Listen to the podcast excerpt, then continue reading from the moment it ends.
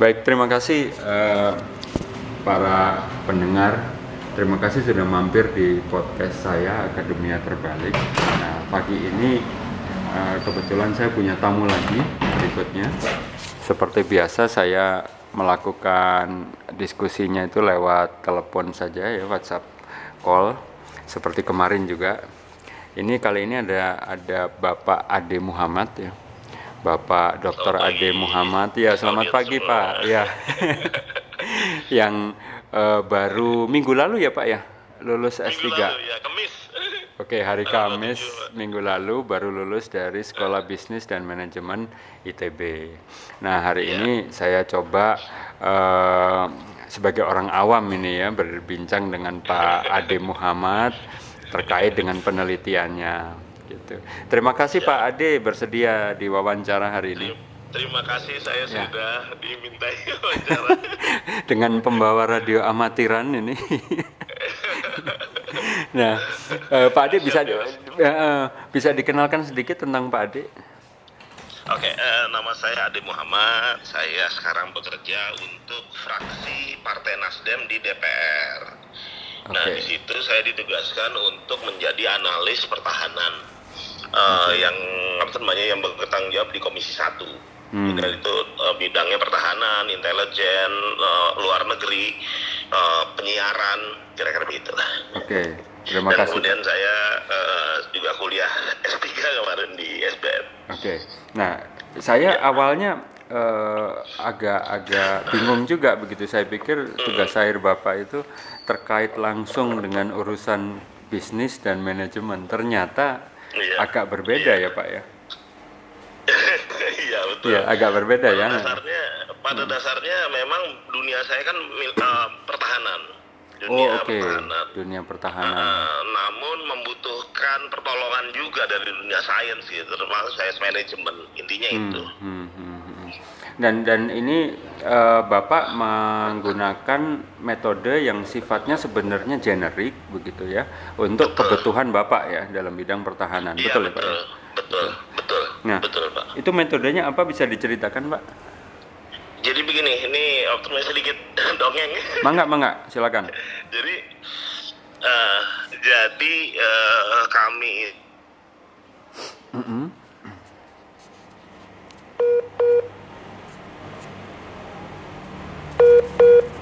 Gitu Maaf, maaf diulang tadi putus sebentar kayaknya, Pak. yang oke Ya. ah mohon maaf Ah, apa namanya Ah, fenomena yang ah, kita ka- golongkan itu dalam kategori manajemen itu sebagai wicked problem wicked Hmm. problem itu ibaratnya masalah yang ruwet gitu loh Oke, wicked problem ya. masalah yang ruwet oh, oh, wicked problem nah dalam kasus uh, dunia pertahanan itu ada itu yang namanya uh, kalau kita nyebutnya cohesiveness atau uh, apa tuh namanya uh, cohesive itu apa ya apa namanya Kohesif itu keeratan masalah keeratan gitu Oke, jadi sebetulnya menggantikan kata-kata konflik ya Hmm, hmm. menggantikan ka- kata halus dari konflik sebetulnya Hmm. antara eh, TNI dan Polri. Hmm. Ini kan oh, untuk insiden terus gitu loh. Itu Oke. sekitar 52 insiden, 53 sekarang yang kemarin. Oke. 53 insiden, 6 jiwa melayang, ya kan 28 korban luka-luka, itu Ya. ringan besar atau ringan atau atau ya, berat toh. Mhm. Dan ini sejak 98 itu belum pernah bisa diselesaikan secara tuntas. Hmm. Meskipun eh, dari pihak pimpinan itu itu pertama mereka harmonis ya kan, Ya. itu bagus. Kedua mereka sudah coba semua strategi. Hmm. Semua strategi komunikasi, koordinasi, joint Ya. program, you name it mereka punya. Ya. Gitu. Jadinya masalahnya di mana kan gitu. Nah Ya. ini mirip dengan kasus-kasus wicked problem di bisnis sebetulnya. Mhm. Misalnya Bapak tahu yang namanya Yahoo dong kan gitu. Oke, Yahoo zaman zaman Kurang saya apa itu. Yahoo itu. Oh, oh. Sekarang tuh musnah gitu loh. Ah, siapa yang mau ke Yahoo kan gitu. Ya. Ganti Google ya. Udah. Masalah yang lain lagi misalnya Nokia misalnya. Hmm. Kurang apa Nokia gitu loh. Mereka kurang apa strateginya. Namun wicked problem itu masalahnya begini. eh, strategi as wicked problem artinya Mhm. Menurut- Ya. Canales dari Ha- Harvard bilang, meskipun kita sudah mengikuti strategi dengan benar, baik dan benar, Ya. namun tetap saja gagal. Oke. namun tetap tidak bisa memberikan hasil yang kita harapkan. Nah itu maksudnya bingung kan, gitu. Ya.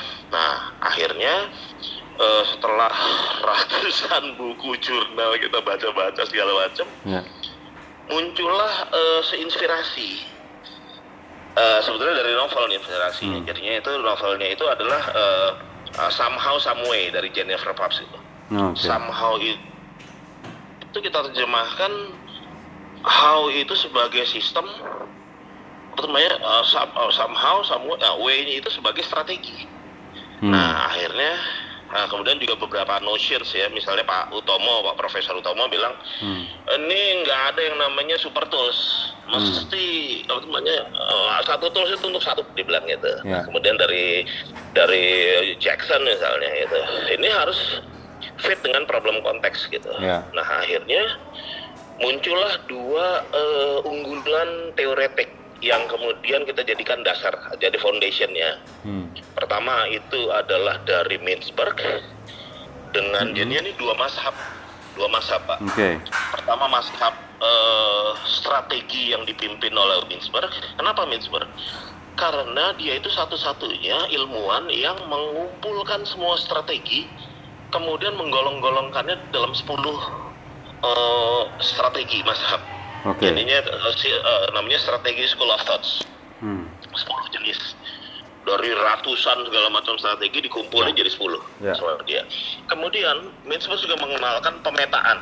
Hmm. Jadinya semua strategi yang 10 itu letaknya di mana aja gitu loh. Oh ini Oke. kalau yang ringan-ringan di sini yang Mm-mm. nah dia itu ada dua parameter. Pertama parameter rationality dan kemudian comprehensiveness.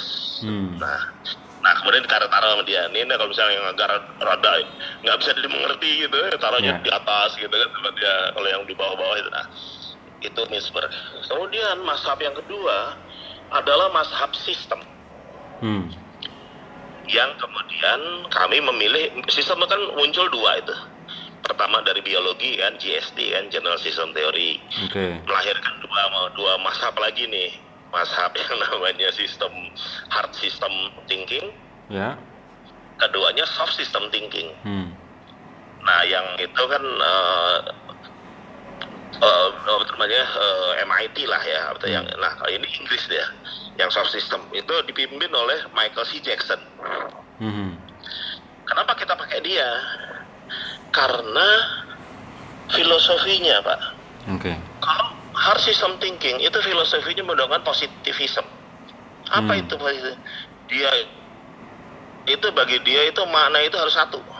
Parameter itu udah udah nggak bisa ganda itu maknanya. Satu Oke. aja. Yang saya maksudkan ini kan gitu. Oke.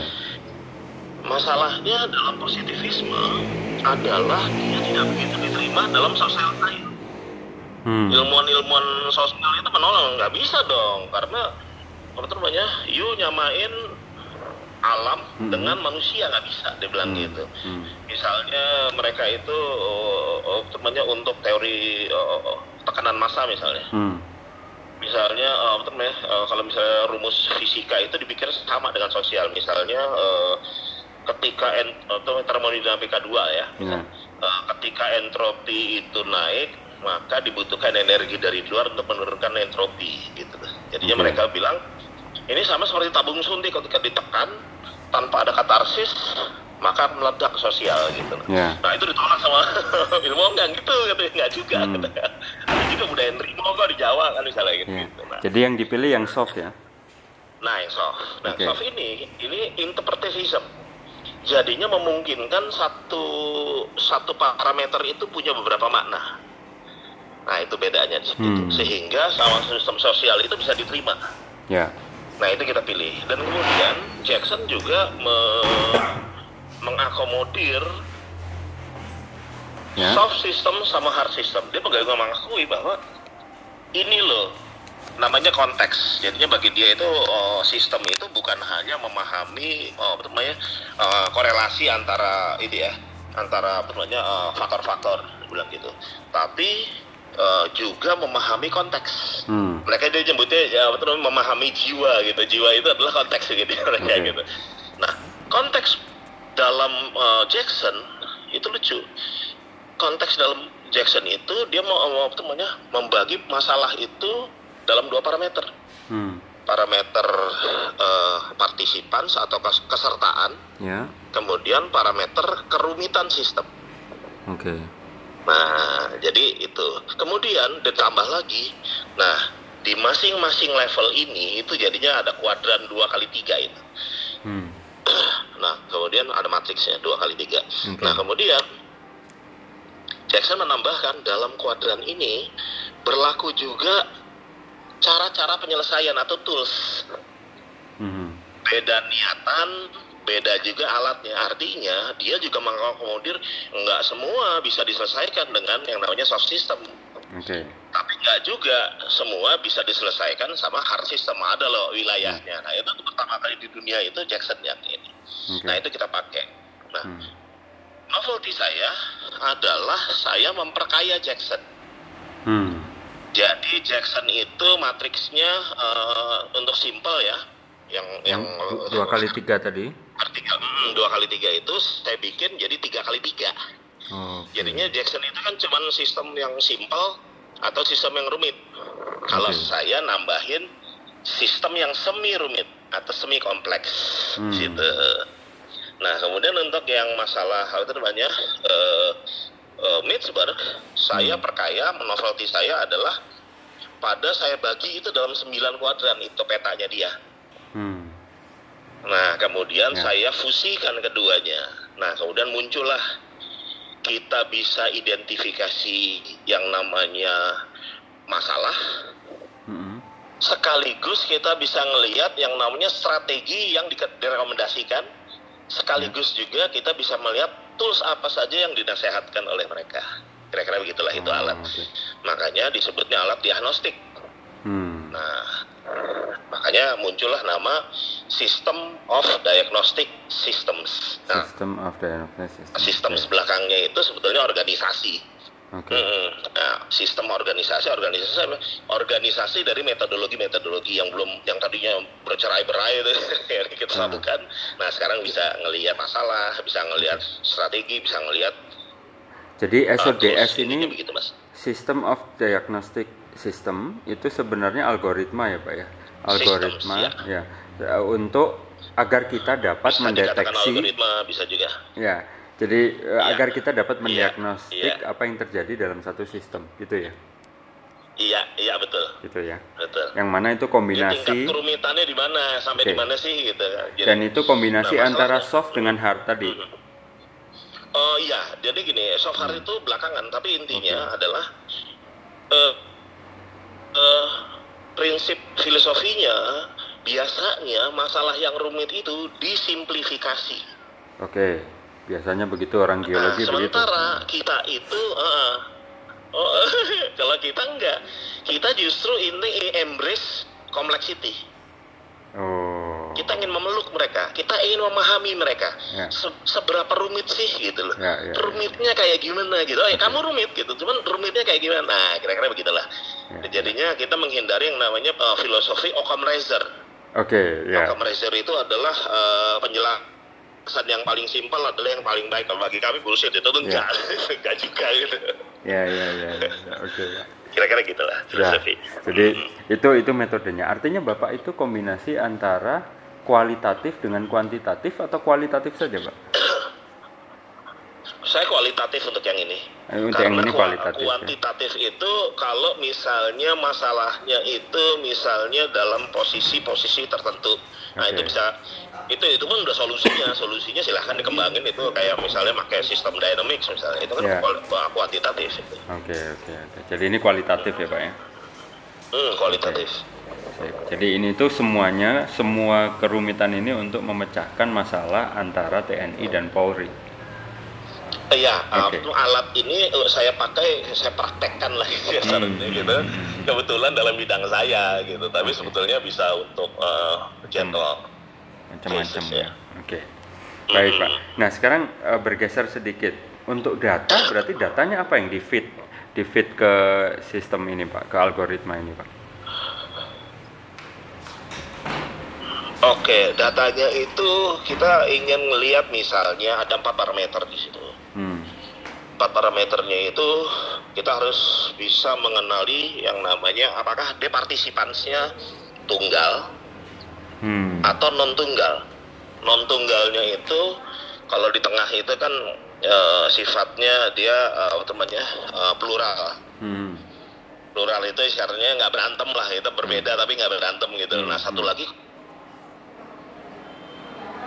plural udah gitu berantem gitu loh. Nah itu kita harus bedain itu. Apakah sudah konflik apa belum ini gitu loh. Hmm. Nah kemudian ada lagi bisa dimengerti nggak sih gitu loh. Jadi pertanyaannya bukan hitungan itu, itu kita bisa Ya. mengerti nggak comprehensive comprehensibility. Nah ntar ada atur parameter detailnya nih. Nah kemudian ada lagi eh, level kompleksitinya gimana sih Oke. gitu loh. Nah, Bapak Ini untuk level mengetahui, maaf saya potong Bapak untuk mengetahui itu dari wawancara atau Ya. dari apa? Iya, kita dari eh, kebetulan pas lagi itu kita praktekkan ke mana ke kasus eh, apa namanya pertahanan atau, Hmm. perta- atau, keamanan nasional. Hmm. Saya melakukan wawancara Oke. dan di situ kan ada coding. Ah. Oh, dia nunjukin oh kalau ini ini ini misalnya eh, ini menunjukkan misal gitu eh, Ya. permusuhan ketidakpercayaan gitu Ya. segala macam. Oh ini tuh di sini nih gitu. Nah, Oke, itu oke. sebetulnya kita Masuk debat akal. juga gitu. Ya, ya. Pada Jadi intinya adalah dalam sembilan kuadran itu nanti ntar itu salah satu kotak tuh masuk. Hmm. Jadi Itulah Bapak itu kalau ini saya juga pernah mengikuti eh, kursus pendek tentang riset kualitatif Pak ya. Jadi di Ya. dalamnya ada wawancara, kemudian tahapan berikutnya coding. Nah, kalau Ya. di dalam interpretasi saya maka Bapak itu adalah step berikutnya setelah coding begitu ya untuk menempatkan Iya, betul, betul, sentimen-sentimen sari dari wawancara itu ke dalam kotak-kotak yang sesuai gitu ya Pak ya. Betul, betul. Oh, oke, Exactly. oke, oke. betul, Bayang, betul Pak. bayang. ya, karena ini sangat awam buat orang geologi karena geologi itu kan kuantitatif sekali gitu ya. Ya. Baik, Iya. baik. Nah, jadi eh, singkat cerita, eh, oh sorry, bapak mau wawancara stakeholdersnya itu ada berapa? Kalau memang ada rahasia, nggak perlu diceritakan, Pak. Jadi ada berapa stakeholders ini- begitu? Saya untuk yang primer ya itu saya mewawancarai empat stakeholder. Oke. eh, apa namanya? stakeholder ada dua. Hmm. Cuman saya mempa- mewawancarai high ranking officer lah. Oke. itu oke. empat empat orang tapi saya ditemani oleh eh, sekitar empat orang lagi Oke, jadi itu dari ahli-ahli yang terkait dengan kedua institusi misalnya ada yang penasihatnya Pak Panglima ya kan Hmm. ada lagi yang dari itunya apa namanya eh, pena- eh, dari Polri ya gitu, Hmm. gitu nah itu ada empat jadi kita Oke. datang ke narasumber lima sama saya nah kemudian kita eh, kayak diskusi betul, betul. jadinya mini FGD lah gitu Iya, tapi iya. empat kali itu Hmm. Baik, jadi ini menurut saya satu riset yang karena dari postingnya Pak Utomo kan Bapak lulus tepat waktu. Artinya ini Iya. itu data dan analisis dan semua yang terkait dengan ini semuanya visible Iya. dilakukan Iya. mungkin 4 semester. Eh, 1 2 3 4 Iya. 5 6 6 semesteran kurang Enam, lebih ya Pak ya. enam- Nah, enam semester Nah, iya, jadi ini kan menurut saya eh, adalah contoh juga Pak untuk S3 yang lain Iya. bahwa riset S3 Iya. itu haruslah compact kan gitu ya. Iya, jadi betul, tidak betul. tidak bertele-tele, betul, datanya betul. terukur siapa pun itu atau Betul. apa pun itu dan seterusnya. Karena ini menarik sekali, Pak. iya betul betul Nah. dan kita juga jangan ini jangan linier ya menurut saya sih gitu loh teman-teman tuh ada yang juga linier abis ini ini kalau saya enggak gitu loh That's it. Iya, Pak. Ya, Prof Utomo juga yang ngajarin. ya, ya. Karena Sementara ngerjain ini riset masuk gitu Iya. loh. Oh, kalau enggak gitu. Ya, saya Cukup betul. Ah, saya kebetulan juga kan lulus S3 dari ITB juga ya, kurang lebih sama dengan Bapak. Jadi sekitar eh, Siap. 6 semester sampai 7 lah kemarin itu. Jadi masih masuk dalam kategori Iya. Cum Iya, laude iya. yang mana memang betul, Pak. Kita harus menghindari berpikir Oh, sekuensial. berpikir sekuensial dalam menyelesaikan Betul, S3 betul, kan betul, begitu. betul. Berurutan ya, tapi ekseku- eksekusinya itu boleh tidak sekuensial kan gitu ya Pak. Terutama terkait dengan kegiatan penulisan. Nah ini Betul, betul, menurut betul. saya ini eh, bagus Pak. Eh, apa Betul. namanya konsep berikutnya yang mungkin nanti akan saya bawa-bawa ke mahasiswa S3 yang lain gitu Iya. ya. Baik. Siap, Jadi setelah siap. wawancara Bapak olah lalala lilili pada akhirnya muncullah satu hasil begitu ya Pak. ya? Nah, Iya has- betul. has- Itu pun divalidasi dua kali itu. oh oke. Jadi di sini tuh ada validasi hasilnya. Halo? Hasil, ya. Kemudian ada validasi ya. Ah, ah. Validasi dua kali. Itu Nah, validasinya kita menggunakan yang double. Ah, ah. Oke, jadi eh, Bapak memeriksa hasilnya itu dengan atas wawancara dengan pihak yang lain atau bagaimana Pak? Jadi gini, saya itu kan udah melibatkan, eh, jadi dua institusi itu eh, masing-masing mengeluarkan itunya, jagoannya lah gitu. Kamu Oke. cek sama ini, kamu cek sama Oke. ini. Ya udah itu yang yang kita minta gitu loh. Oke, Tapi itu yang kedua, yang pertama itu adalah validasi dari jurnal. Oh oke. Jadi jurnal itu kan Validasi ada dari reviewer, reviewernya itu kan validator kita yang pertama kan. Ya, ya, ya. Nah itu reviewer. sekitar ada empat lah total. Ya, Dari karena- dua jurnal Q2 itu kan. Saya lihat Bapak ada di Wiley, satu lagi itu di eh, Global Market itu penerbitnya Inner Science, oke. Ya, jadi sudah ada empat. Pak. Ya, Iya, empat Swiss. empat reviewer ya yang yang bapak Oh, ajak nah, bicara. Hmm. itu yang pertama. Nah, itu Oke. yang pertama. Setelah itu untuk sebelum ke disertasi saya minta juga, oh sorry, di disertasi namanya di jurnal yang terakhir saya minta ada empat lagi tambahan, itu yang Hmm. dari institusi, Hmm. eh, bukan dari institusi tapi ahli yang dipercaya oleh institusi Oh. untuk validasi ini. External Akhirnya reviewer ya. mengeluarkan surat semuanya.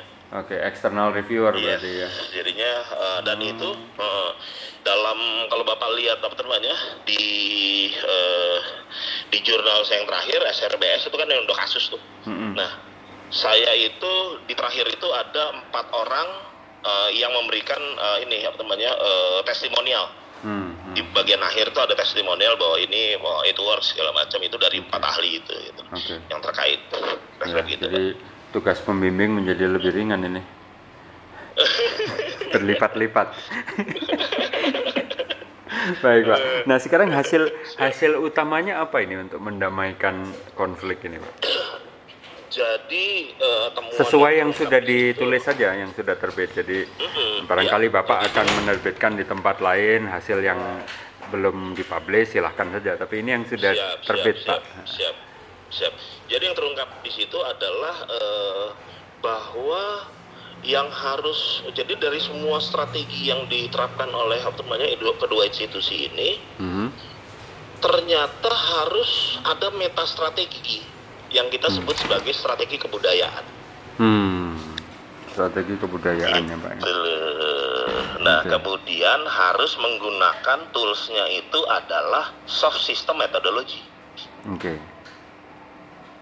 Nah, kalau strategi kebudayaan itu Jadi berarti misalnya begini, Hmm. eh, mi- hmm, eh, jadi begini, eh, implikasinya ketika tidak terjadi strategi kebudayaan Hmm, adalah menggunakan budaya militer kan, ya, dia top down ya kan, makanya yang damai itu di atas gitu, yang di bawah berapa, ya, ya, ya, ya, ya. yang di bawah cohesiveness issue terus gitu loh. Ya. Nah, sementara dibutuhkan pendekatan top down, eh sorry bottom up. Oke. karena masalah di satu daerah dengan daerah yang lain itu kasusnya beda pak Oh, jadi konflik itu bisa Sehingga- banyak, tapi kasusnya beda-beda ya, Pak ya? beda-beda itu Oke.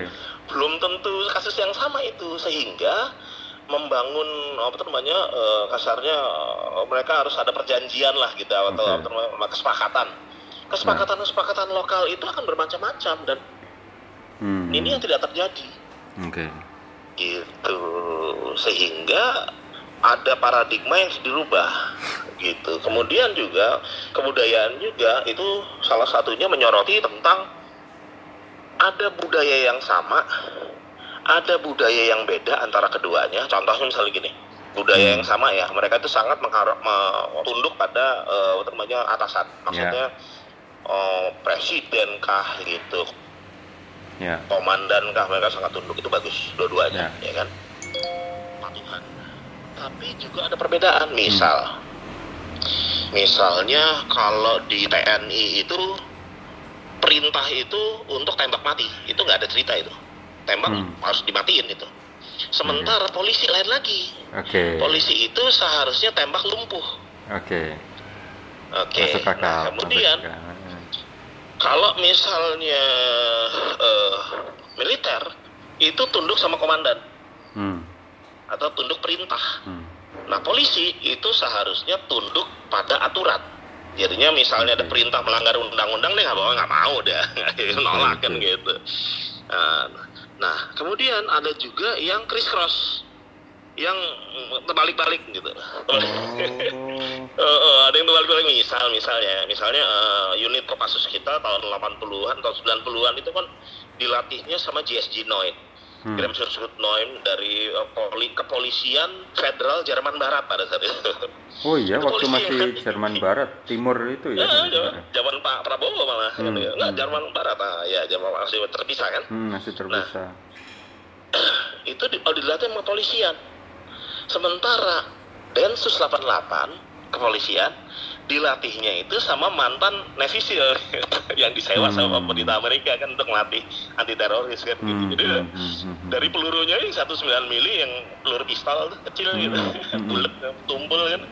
Nah sementara yang itu peluru tajam gitu pelurunya Ya, gede ya, gitu. nah itu akhirnya ngawur-ngawur juga gitu. Nah ini yang mau kita ya kita rapihin lah gitu. Loh nah, sehingga strategi kebudayaan itu harus dilakukan dulu Jadi- gitu loh Nah, berarti Bapak ini baru kalau bisa strategi yang lain Nah, kalau saya bayangkan sampai Bapak merunut cerita tahun 80-an berarti Bapak kajian historisnya itu cukup banyak juga ya, Pak ya. Dan Iya, harus dilakukan, di situ. betul kan? betul kami malah membagi dalam masalah ini ternyata nggak berdiri sendiri pak Waduh. Jadi kami melakukan over, apa namanya historical overview Oke. yang kami sebut begitu. Jadi kalau kalau kalau penyakit pak, itu kan kita harus cek pak badan kepalanya Ya, gitu kan, ya, kita ya, harus tahu ya. historisnya. Gitu. Ya, ya, Ini sama ya. juga. Jadi misalnya saya membagi dalam tiga ma- tiga tiga era. Pertama adalah era eh, Orde Baru, Hmm. kedua adalah reformasi. Reformasi itu mulai dari eh, tahun 2000 eh, eh, 98. eh, ya, apa namanya? eh, apa namanya tahun 9 eh, 2001, 2002. Oke, oke. Ya. Kemudian itu singkat ya 2000 sampai 2001. Oke. Eh dua, ya, kemudian 2002 sampai sekarang itu adalah pasca reformasi. Oke. Nah, yang Ya. lucunya adalah temuan pada saat eh, eh, masa Orde Baru, Pak. Hmm. Dari 66 sampai 98 itu hampir nyaris nggak ada masalah ini nggak ada nggak ada insiden pak Hmm. lucu kan Ya, nggak ya. ada insiden itu gitu loh nah kemudian mulai 98 2001 itu muncul 8 Hmm. nah sisanya naik 48 sekian gitu 49 gitu ketika uh, mulai 2002 sampai sekarang Oke. gitu nah artinya kan ada masalah ini gitu. Ya, ya, ya. Nah, kemudian baru dari situ kita cek juga yang namanya uh, framework atau kerangka kerja dari national security Oke. itu muncullah dua Nah, itu telah regulasi gitu kan? Uh, uh, uh, oh bukan ya telah regulasi macam. Regulasi, Nah, ya. yang yang lucunya adalah yang gini uh, kalau zaman uh, orde baru itu ada dua pak tingkatan hukum Oh. pertama itu adalah uh, hukum sipil Ya. yang hukum kuhab segala macam gitu Ya. Ketika darurat levelnya dinaikkan menjadi hukum darurat militer Hmm. undang-undang 59 itu Ya. gitu itu jelas itu cuman nah ini masalahnya zaman dulu polisi itu di situ saya saya jelasin jadinya ada di dalam eh, apa namanya masa damai itu ada dua yang bekerja Hmm. pertama eh, polisi untuk keamanan kriminal Hmm. kemudian ada angkatan darat pak Oke. yang bekerja untuk keamanan politik. Gitu. Itu Ya, memang sih nggak ada berantem nggak ada nggak ada konflik. Nah yang lucu yang berikutnya begitu reformasi itu muncul lagi udah tiga bagian. Ya. Eh, hukum apa namanya eh, sipil kemudian darurat sipil dan darurat militer. Nah singkatnya di darurat sipil lah di sini ada masalah. Ya. Jadi karena di situ hmm, jadi artinya taksonomi regulasi juga mempengaruhi ya, Pak ya? Betul Pak, itu terkait. Nah, itu dia, Pak. Jadi ya, wah, ini kayaknya tidak akan selesai ini dalam waktu setengah jam. Tapi intinya, tapi kalau intinya saya coba summarize ya. Jadi bapak itu Ya. eh, di dalam penelitian ini men- dengan metode kualitatif mencoba mencari tahu algoritma yang Ya. paling pas untuk mendiagnosis satu sistem gitu ya. Nah, sistem ini sistem apa? Betul, adalah sistem terjadinya suatu konflik, ya kan? Di sini Bapak bilang isunya adalah Ya, cohesiveness antara TNI dan Polri. Gitu. Nah, dari situ Bapak kemudian mengidentifikasi stakeholder sebagai data. Bapak lakukan wawancara, Ya. wawancara coding, coding Ya. kemudian memilah-milah dan memetakan masalah, Analisis lagi, ya ya. kan? Ha. Kemudian Ya, betul. ada validasi. Nah, ujungnya adalah perlu ada strategi kebudayaan begitu ya. Jadi Iya. tidak bisa semuanya itu diselesaikan masuk ke secara kuadran 5 pak oke, itu kuadran masuk ke kuadran 5 dan cocoknya itu itu adalah itu dan saya juga ngirimin Hmm. tadi beberapa beberapa gambar pak Ya, ya, yang ini saya saya sudah li- sedang lihat juga. Jadi Hmm. kurang lebih ini itu adalah eh, apa ya algoritma generik awalnya generik yang kemudian bapak Iya. pakai untuk menyelesaikan konflik sosial ya Bi, ya bisa dibilang konflik Iya, betul. sosial sebenarnya. ya Oke. betul dan berpotensi untuk eh, ke semua Ya, kasus pak ya, dalam ya. bisnis dalam eh, sosial Atau politik bisa atau banjir. Eh, banjir bisa itu dia makanya sekarang kita ini kan banyak sekali enggak, betul karena data kuantitatif itu banyak sekali sekarang ini untuk terkait banjir tapi banjir tetap ada siapa Iya. tahu memang masalahnya Siap. bukan ada di data kuantitatif kan begitu ya iya Iya. betul pak baik pak ini mungkin stakeholdernya pada berantem kita nggak Iya, tahu makanya itu. Terima kasih apa namanya saya sudah punya gambaran dan Siap. mestinya pendengar juga eh, tahu lah ini novelty-nya ada di mana Iya. metodenya. dan mudah-mudahan Iya, iya. beliau-beliau ini para pendengar ini akan menggoogle lebih dalam, membaca makalahnya dengan baik. Iya, Nanti siap. akan saya cari linknya Pak, Siap. saya masukkan ke deskripsi Baik. gitu. Nah, terima kasih pak ya Terima terakhir kasih. ini agak-agak ringan. Iya. Bapak saya lihat Oke. hobinya ini juga ya. Pesawat dan teman-temannya itu. Iya pak, saya sebetulnya S 1 nya itu teknik penerbangan pak. Oh jadi bapak itu contoh tidak linear sebenarnya ya pendidikannya ya. Ngawur-ngawur. Jadi masuk ke pertahanan ini ya lebih banyak hobi menurut saya betul ya pak. ya? Ya, hobi betul. Ada Pak. hobinya Betul, juga betul, ya. sekali. Itu yang dicari pak hobi mendukung studi itu Iya. yang dicari. ya. Baik pak Siap, siap. Pak Adik terima kasih sekali ini eh, meluangkan Terima waktu kasih. untuk menjelaskan risetnya dengan gaya yang lebih populer begitu ya. Saya akan coba samarikan juga dalam bentuk tertulis sebisa nah, saya ya. Eh, dan tujuan utama dari kegiatan ini adalah bagaimana kita bisa me-outreach ya, menjangkau eh, masyarakat Ya. seluas mungkin untuk setiap riset yang kita hasilkan gitu kurang lebih Pak. Siap, siap, siap. Ya. siap. Terima kasih Baik, pak. Pak. Ini- I appreciate your call. Sama-sama Mbak, terima kasih sekali. Selamat beraktivitas hari ini, Bapak sibuk sekali mestinya siap. ini. Selamat. Ya. Oke pak. Terima Selamat kasih. Pak, ya. Ya, Assalamualaikum, selamat pagi. pagi. Waalaikumsalam. Baik, terima kasih ini wawancara sudah selesai Eh, dalam waktu dekat.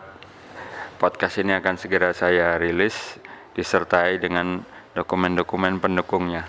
Terima kasih sudah mampir sekali lagi. Selamat pagi, assalamualaikum warahmatullahi wabarakatuh.